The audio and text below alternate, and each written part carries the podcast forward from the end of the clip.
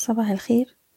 الرؤية الفنية لشركة الأهلي فارس لتداول الأوراق المالية عشرين ديسمبر ألفين واحد وعشرين. امبارح شفنا مؤشر EGX 30 بيستمر في التراجع. نزلنا حوالي مية نقطة وقفلنا عند مستوى حداشر ألف خمسمية خمسة وستين بأحجام تداول أقل من المتوسط. التراجع الحالي ده إحنا شايفينه في إطار عملية تصحيح طبيعية جدا. بعد ما وصلنا لمستوى مقاومتنا الرئيسي حداشر ألف وسبعمية مقدرش يتخطى المستوى ده في عدة محاولات خلال الأسبوع اللي فات.